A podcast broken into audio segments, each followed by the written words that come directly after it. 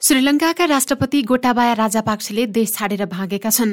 सर्वसाधारणको विरोधपछि त्रिहत्तर वर्षका राष्ट्रपति राजापाक्से देश छाडेर भागेका हुन्। उनी स्थानीय समय अनुसार राति तीन बजीतिर मालदिप्सको राजधानी माले पुगेको अन्तर्राष्ट्रिय समाचार माध्यमले उल्लेख गरेका छन्। राजापाक्सेको विदाईले श्रीलङ्कामा दशकौंसम्म शासन गर्ने पारिवारिक वंशको अन्त्य भएको मिडियाले उल्लेख गरेका छन्। गत शनिबार राष्ट्रपति निवासमा प्रदर्शनकारीले आक्रमण गरेपछि राजापाक्से लुकेर बसेका थिए।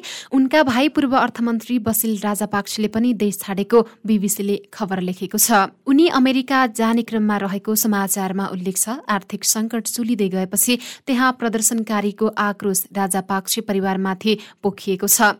श्रीलङ्का राष्ट्रपति गोटाबाया राजापाक्से बुधबार मालदिप्सको भेलान अन्तर्राष्ट्रिय विमानस्थलमा अवतरण गरेका छन्। मालदिभियाली संचार माध्यमलाई उद्धृत गर्दै राष्ट्रपति गोटाबाया राजापाक्से आफ्नी पत्नी र एक अङ्गरक्षकसँग एन्टोनोभ बत्तीस सैन्य विमानमा मालदिप्स गएको प्रधानमन्त्रीको कार्यालय स्रोतलाई उद्धृत गर्दै स्थानीय सञ्चार माध्यमले जनाएका छन्। राजापाक्सेले सोमबार आफ्नो राजीनामा पत्रमा हस्ताक्षर गरेका र उक्त राजीनामा पत्र सभामुखलाई बुझाइने र राष्ट्रपतिको राजीनामाको औपचारिक घोषणा संसदबाट गरिने कार्यक्रम रहेको प्रधान कार्यालयका एक अधिकारीले बताए। यसैबीच श्रीलङ्काका प्रधानमन्त्री रनिल विक्रमासिंहेले बुधबार आपतकालीन अवस्थाको घोषणा गरेका छन्। मालदिप्समा राष्ट्रपति गोटाबाया राजापाक्से गएको खबरपछि सम्भावित हिंसात्मक गतिविधिलाई मध्यनजर गर्दै देशको पश्चिमी प्रान्तमा कर्फ्यू लगाइएको छ। प्रधानमन्त्री विक्रमासिंहेको निवास बाहिर तैनाथ सुरक्षाकर्मीहरूले अश्रु ग्यास प्रयोग गरी प्रदर्शनकारीहरूलाई तितर बितर पारेको समाचारहरूमा जनाइएको छ। विक्रमासिंहेले दंगा मचाउनेहरूलाई गिरफ्तार गर्ने ठाडो आदेश पनि दिएको श्रीलङ्काको डेली मिरर पत्रिकाले जनाएको छ। श्रीलङ्काको विदेश मन्त्रालयका एक पूर्व सल्लाहकारले भने हामी प्रधानमन्त्रीको पनि राजीनामा चाहन्छौ किनकि राष्ट्रपतिले राजीनामा दिएमा हाम्रो संविधान अनुसार प्रधानमन्त्री कार्यवाहक राष्ट्रपति बन्नेछन्। नागरिकले उनीहरू दुवै असफल भएको देखिसकेका छन्। उनीहरू दुवै पदच्युत हुनुको विकल्प छैन। यसैबीच श्रीलङ्काको राजधानी कोलम्बोको टेम्पल ट्रीमा झडप हुँदा कम्तीमा दसजना घाइते भएका छन्।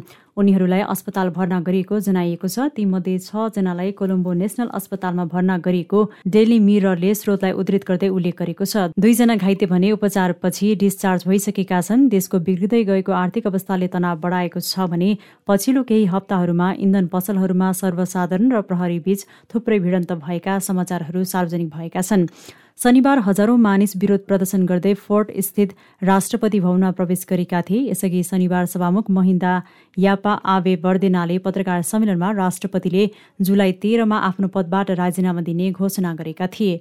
यता प्रधानमन्त्री रनिला विक्रमासिंहेले पनि विरोध प्रदर्शनका बीच आफ्नो पदबाट राजीनामा दिने घोषणा गरेका छन्। राष्ट्रपति र प्रधानमन्त्रीको निवास कब्जामा लिएका आन्दोलनकारीहरूले आफूहरू नआएसम्म घर कब्जा गरिरहने स्पष्ट पारेका छन्। श्रीलङ्का सन् उन्नाइस सय अडचालिसमा स्वतन्त्र भएपछि सबैभन्दा खराब आर्थिक सङ्कटबाट गुज्रिरहेको छ। तेल आपूर्ति अभावले विद्यालय र सरकारी कार्यालयहरू अर्को सूचना नभएसम्मका लागि बन्द गरिएका छन्।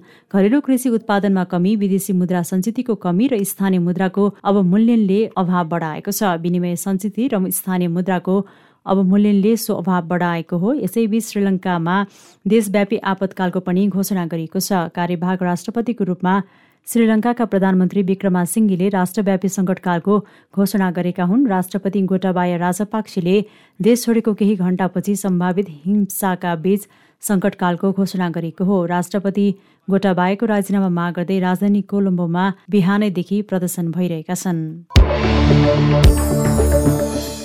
जापानका पूर्व प्रधानमन्त्री सिन्जो आवेको अन्त्येष्टि गरिएको छ। जापानका लोकप्रिय नेता आवेको शुक्रबार चुनावी सभामा भाषण गरिरहेका बेला एक व्यक्तिले गोली प्रहार गरेपछि निधन भएको थियो।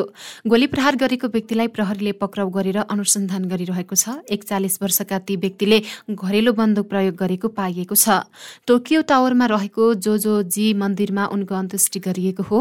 अन्त्येष्टिका क्रममा उनकी श्रीमती अघि जापानका प्रधानमन्त्री फुमियो किसादा केही सांसदहरू र विदेश विदेशी प्रतिनिधि र व्यावसायिक अगुवा लगायत सहभागी भएका थिए। सन् उन्नाइस सय चौपन्नमा जन्मिएका आवेको सतसठी वर्षको उमेरमा निधन भएको हो।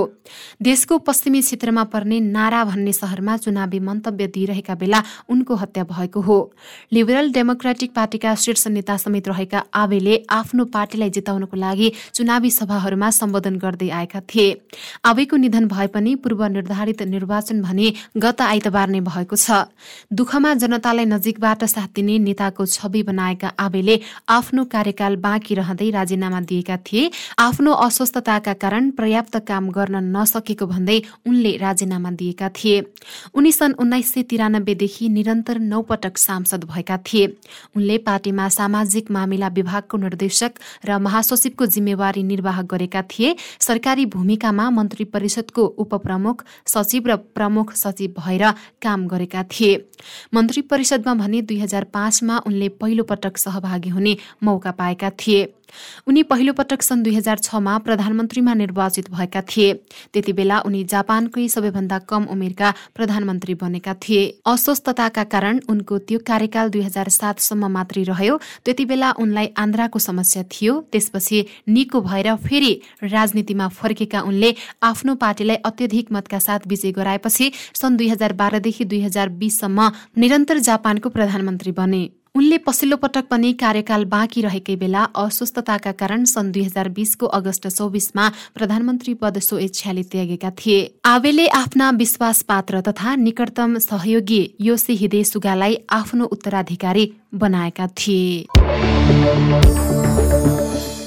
मलेसियामा दुई हजार तीन सय पैँतालिसजनामा कोभिड नाइन्टिन संक्रमण पुष्टि भएको छ। योसँगै कोरोना सुरु भएबाट हालसम्म कोविड संक्रमितको संख्या छयालिस लाख सात सय छत्तिस पुगेको स्वास्थ्य मन्त्रालयले आज जनाएको छ त्यहाँ तीनजना बाहिरबाट आएका व्यक्तिमा कोरोना भाइरस देखिएको हो भने तीन हजार तीन सय बयालिसजना स्थानीय व्यक्ति नै रहेको मन्त्रालयले जारी गरेको तथ्याङ्कले जनाएको छ। त्यस्तै कोरोना संक्रमणको कारण तीनजनाको मृत्यु भएको छ। कोरोना संक्रमणको कारण मलेसियामा हालसम्म पैँतिस हजार आठ सय उन्नाइसजनाको मृत्यु भइसकेको मन्त्रालयले जानकारी दिएको छ। मन्त्रालयका अनुसार गएको चौबिस घण्टामा दुई हजार तीन सय चौरासीजना कोरोना मुक्त भएका छन्। कोरोना महामारी सुरु भए यता हालसम्म पैँतालिस लाख उनातिस हजार दुई सय एकजनालाई कोरोना संक्रमण निको भएको पनि मन्त्रालयले थप जानकारी दिएको छ।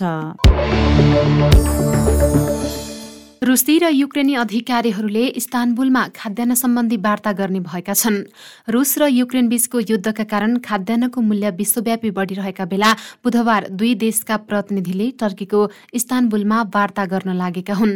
रुसले आफ्नो लाखौं टन खाद्यान्न चोरेको किभले मस्कोमाथि आरोप लगाउँदै आएको छ। गहुँ र अन्य अन्नको लागि युक्रेन विश्वको सबैभन्दा ठूलो निर्यातकर्ता हो तर ब्ल्याक सीमा रुसी युद्धपोतले युक्रेनी ढुवानी अवरुद्ध गरेको छ। अत्यावश्यक खाद्यान्न व्यापार पुनः शुरू गर्ने प्रयास स्वरूप टर्कीले वार्ता आयोजना गरेको हो। वार्तामा संयुक्त राष्ट्रसंघको प्रतिनिधिमण्डल पनि सहभागी हुनेछ। पछिल्ला समयमा युक्रेन विरुद्ध बढ़ी आक्रमण भएको छ। पूर्वी युक्रेनको दोनेत्सक क्षेत्रलाई रुसी सेनाले निशाना बनाएका छन्। पूर्वी युक्रेनको खेरसानमा युक्रेनले रुसी हतियार भण्डारलाई ध्वस्त पारेको छ। इरानले युक्रेन युद्धका लागि रुसलाई सयौं ड्रोनहरू उपलब्ध गराउने योजना बनाएको अमेरिकाले आरोप लगाएको छ। इरानले रुसी सेनालाई ड्रोन प्रयोग गर्न तालिम दिने तयारी गरिरहेको पनि व्हाइट हाउसका राष्ट्रिय सुरक्षा सल्लाहकार जेक सुलिवानले आरोप लगाएका हुन् इरानले रुसी सेनालाई ड्रोन उपलब्ध गराइसकेको भन्ने विषयमा अझै स्पष्ट भइ नसकेको पनि उनले बताएका छन्। इरानले अमेरिकाको दावीलाई पुष्टि र अस्वीकार नगरी युद्ध अघि रुससँग प्राविधिक सहयोग भएको जनाएको छ।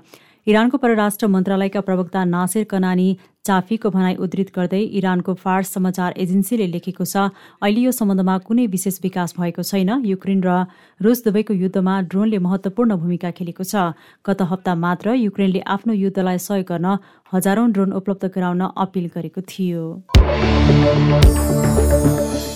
र भारतमा हुन लागेको राष्ट्रपति निर्वाचनमा शिवसेनाले राष्ट्रपतिकी उम्मेद्वार द्रौपदी मुर्मुलाई सघाउने भएको छ। प्रभावशाली राजनीतिज्ञ उद्धव ठाकरेले नेतृत्व गरेको पार्टीले भारतीय जनता पार्टी नेतृत्वको एनडीए गठबन्धनका उम्मेद्वारलाई सघाउने निर्णय गरेको हो। भारतमा आगामी जुलाई अठारमा नयाँ राष्ट्रपति चयनको लागि निर्वाचन हुने तय भइसकेको छ। विद्रोह र संघर्षपूर्ण जीवन बिताएका र महिलालाई राष्ट्रपति बनाउने अवसर भएकाले द्रौपदीलाई समर्थन गर्ने निर्णय भएको नेताहरूले जानकारी दिएका छन्। यसअघिको निर्वाचनमा पनि आफूहरूले महिला उम्मेद्वारलाई नै समर्थन गरेको उनीहरू नेताहरूको भनाइ छ। राष्ट्रपतिका उम्मेद्वारहरू मध्ये मुर्मुलाई समर्थन गर्ने विषयमा पार्टीमा कुनै मतान्तर नरहेको र सर्वसम्मत निर्णय भएको नेताहरूले जानकारी दिएका छन्। मुम्बईमा मंगलबार भएको बैठकमा शिवसेनाका सबै सांसदहरूले समेत मुर्मुलाई नै समर्थन गर्नुपर्नेमा जोड़ दिएका थिए।